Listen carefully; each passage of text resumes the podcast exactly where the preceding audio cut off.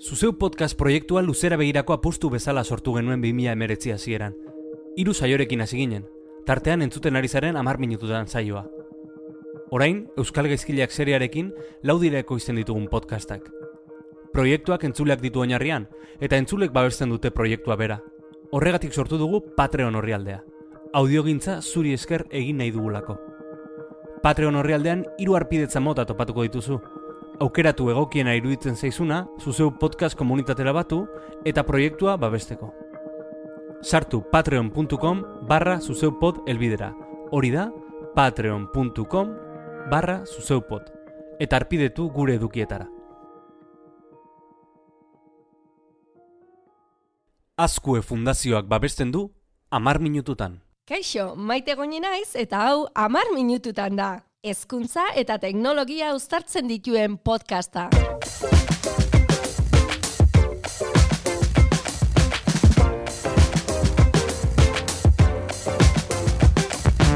Denbora horretan zure galderak erantzun eta praktika eredugarriak ezagutuko ditugu. Ea ba!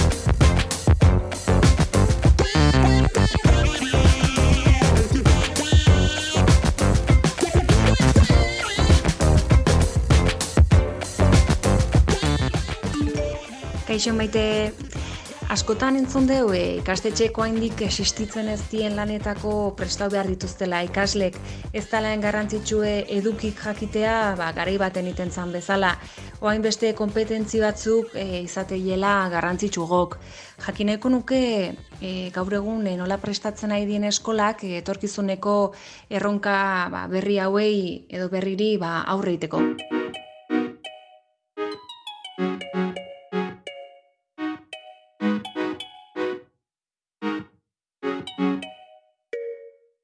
Azteko mila mila esker e, galdera bidaltzeagatik. Oso galdera interesgarria irutu zaigu eta bai, alaxe da. Gaurko lehen ezkontzako ikaslen euneko irurogeita bostek oraindik existitzen ez diren lanetan jardungo dutela iragartzen da. Zenbaki harrigarri horrek gora egiten jarraitzen duen einean, baina nola egokitu galdetzen dute eskolek.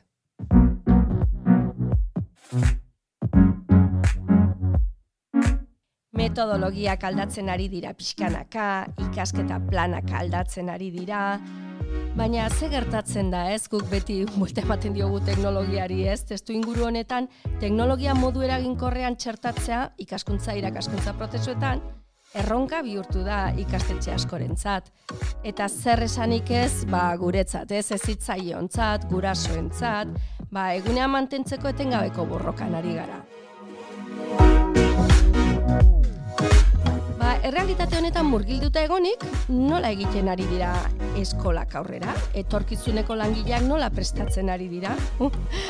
ez da, egi esateko ez dago erantzun bakarra, noski, ba, baina garbi dagoena da, azken urteetan, Hezkuntzan alegin handiak egiten ari garela, errealitate horri erantzuteko, egitasmo ugari handik eta hemendik, e, proba pilotuak, dakit, irakasleen formazioa metodologia berrietan, metodologia aktiboetan esan nahi dut, ba, ikasleak ikaskuntza prozesuaren erdigunean kokatzen dutenak, behi baino gehiagotan aipatu dugun kompetentzia digitala. Ba, esan bezala, ez dago erantzun bakar bat, eta guri, gaiari heltzeko, interesgarria iruditu zaigu, esperientzia zehatz baten berri ematea. Ze askotan, hobeto ulertzen dielako horrelako ba, galdera potoloak, e, ba, enantzun da perspektiba oso zehatz batetik, ez da? Horretarako, e, sormen gela mm, egitasmoa, gela, laborategia, hobeto ulertzeko horren berri ematea, iruditu zaigu interesgarria, ba, etorkizuneko ikasle horren profilari begira ipintzen delako.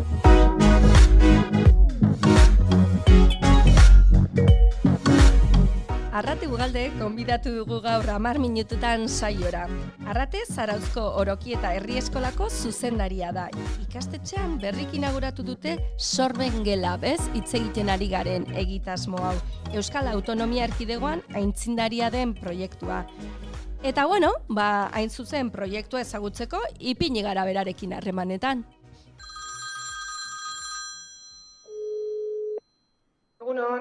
Kaixo, arrate, lehenik eta behin mila esker gurekin egoteagatik, amar minututan, Entzule bate galdetu digu, askotan entzuten duela, ba, ikastetxek oraindik existitzen ez diren lanetarako prestatu behar dituztela ikasleak, ez? Eta ea gure eskolak nola prestatzen ari diren ikasleak etorkizuneko erronkei aurre egiteko. Ba, iruditu zaigu, amar minututan horrekin lotura zuzena izan dezakela sormen gela proiektuak, ezta? Eta salduko diguzu pixka bat nondik nora doan edo zertan datzan proiektua? Bai, ba, beitu, duela urte, ja lau bat urte hasi honekin, European Schoolneten e, Future Classroom Lab, etorkizuneko ikasgelaren laborategia ezagutu genuen, eta sare ematen zugun aukera aprobetsatuz, ba, haiek duten tresna sorta pizkat e, horreri begira martxan jartzen hasi ginen eskolan. Kurrikulunak ere gaur egun esaten du, ba, ikateak modu sortzaile kritiko eragun, eraginkorreta seguruan erabildi behar dituztela ikasleek, eta e, ustartu genuen dana, eta etorkizuneko lan horietarako ba, prestatzea ere bada gure helburetariko bat. Hori da, eta e, gelabori ulertzeko entzuten ari denak, eta hori berez e, laborategi bat e, da, edo horrelako, bueno, e, txosten guztiek iragartzen dute, ba, espazioak berdiseinatu egin behar direla, ez? Beste modu batera lan egiteko, nik uste dut hortik doala, ez da, zuen proiektu, gela proiektu hori? Bai, e, espazioa hundi eta koloretsu bat da, e, ikasleri nahi diegu eman, e, aukera eurak euren ikaste prozesuan inguruko erabakiak hartzeko. Bai?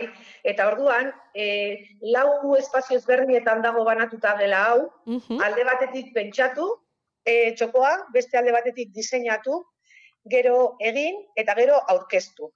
Eta e, ez dira zertan bata bestearen jarraian e, erabili behar. Hau da, umeri erronka bat jartzen diegunean aurrean, ero proposatzen diegunean, eurek erronka horreri ematek, e, erantzun bat emateko, prozesu hori jarraitzen dute, baina ez da lineala, ez da? Modu ez erabili dezakete. Ba, hasi daitezke pentsatzen nolakoa izango den eurek eman nahi dioten erantzuna, hortarako pentsatzen jarriko dira, baino diseinatu eta gero, ero gauzatuta gero, pentsatu dezakete, ba, ebaluak eta egin behar dut, ez da eurek aurkeztutako e, hortaz, eta uh atzera egin dezakete, mugitu, birplanteatu euren erantzuna, eta beste zerbait berria sortu. Bai, horretarako, tresna digitalak eta ez digitalak erabiltzen ditugu, baina digitalak ere interesgarriak eta beharrezkoak ituntzen zaizkigu. Bai, hori esan behar nizunez, gure txokoa badakizu pixka bat hortik doala, teknologia eta hezkuntza bai. eta bar, bueno, gaina aurrekoan ere sare hezkuntzari buruz hitz egiten egon ginen eta hau izan liteke ez, proiektuetako bat. Orduan, teknologiari dagokionez, e, konta iguzu pixka bat e, nola e, prozesu horretan bai pentsatu, diseinatu, egin, aurkeztu, prozesu guztian zehar, ba nola enfok enfokatzen duzuen teknologiaren erabilera?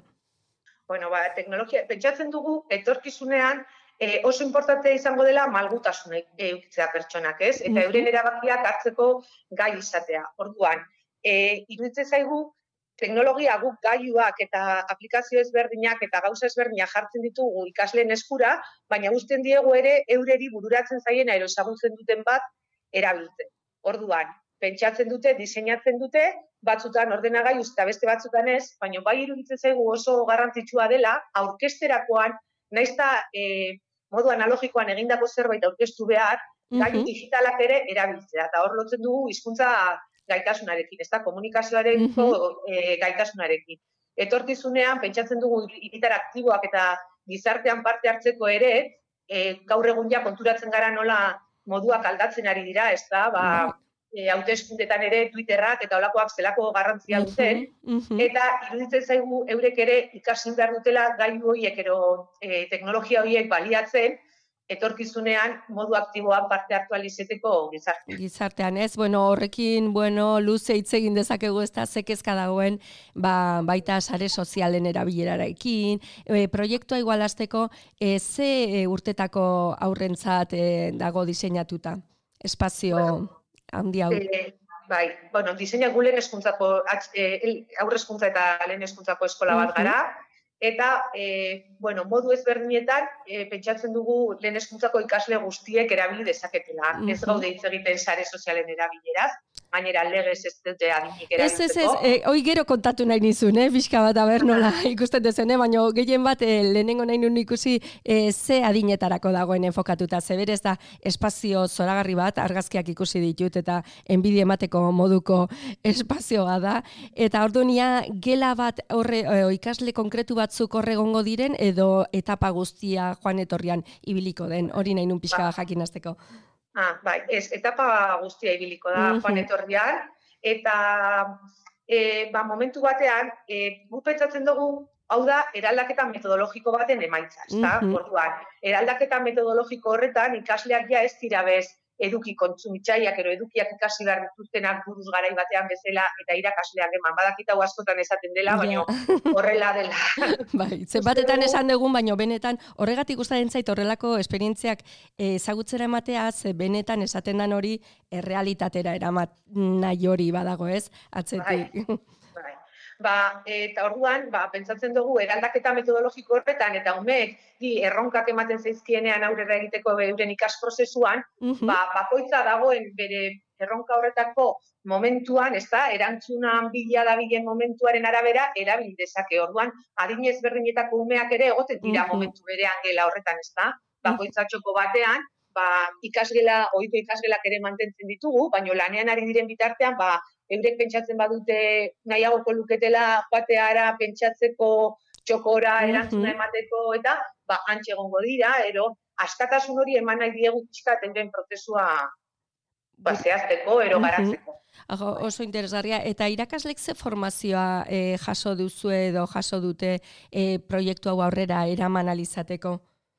Bueno, ba, duela la urte esan bezala zarezkuntzaren barruan, uh European Eskunetek proposatzen duen e, tresna sorta erabiltzen hasi ginen eta IKT departamentutik hasi zen, baino zabaldu zen formazio hori eskola guztira, departamentu horrek zabaldu zuen eskola guztira eta ja gauzatzen ari izan garenean, ba hogeita zei, hogeita zazpi orduko formakuntza jaso dugu klaustroan erdiak baino gehiago, ba, pixka tresnak nora erabili eta bebai berriro eraldaketa metodologiko honen inguruan. Da, oso no.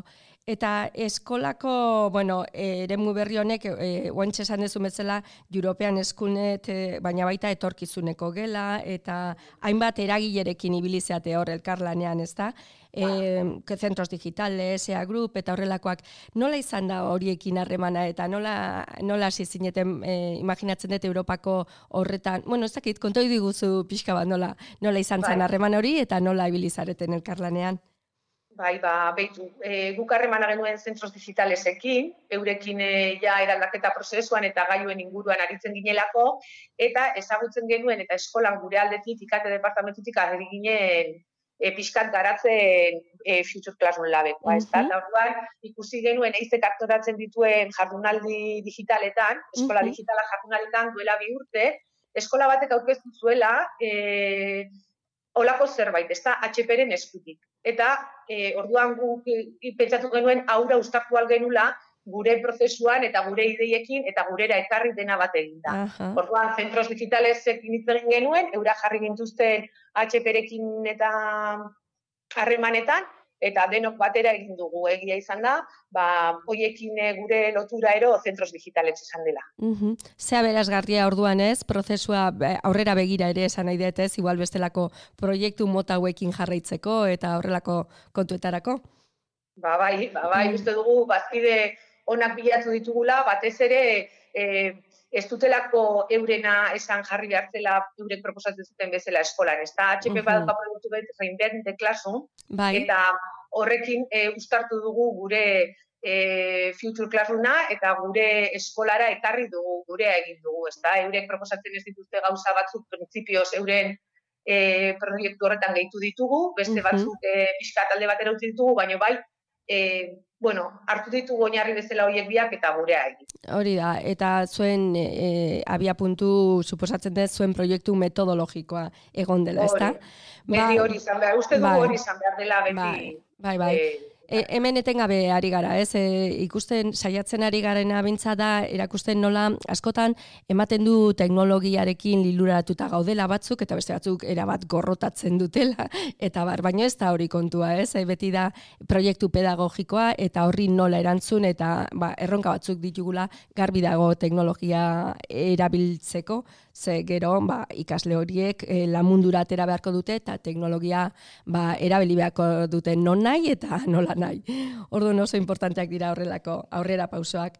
Ba, arrate eskertzen dizu pila bat, badakizu saio oso laburra dugula, mar minutu gutakoa, eta eskertzen dizut ba, zuen proiektuaren berri eman izana. Bai, eskerrik asko zuri ere, aukera ematearen. Ederki, egongo gara, eskerrik asko arratea, agur agur. agur.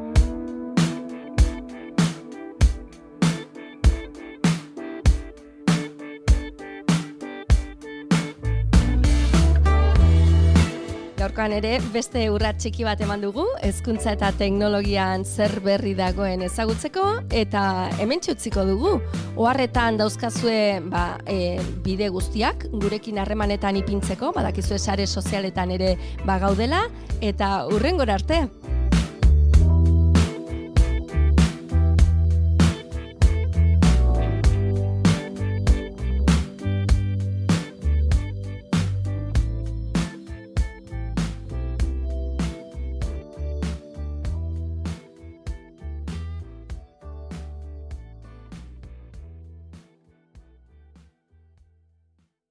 Edo zein audio plataformatan entzun dezakezu zuzeu podcast. Spotify, Apple Podcast, Stitcher, eta bestela sartu podcast.eus elbidera.